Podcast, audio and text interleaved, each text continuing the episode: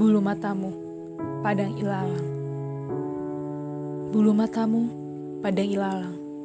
Di tengahnya sebuah sendang. Kata sebuah dongeng. Dulu ada seorang musafir datang bertapa untuk membuktikan apakah benar wajah bulan bisa disentuh lewat dasar sendang. Ia tak percaya, maka ia menyelam. Tubuhnya tenggelam dan hilang di arus maha dalam. Arwahnya menjelma pusaran air berwarna hitam.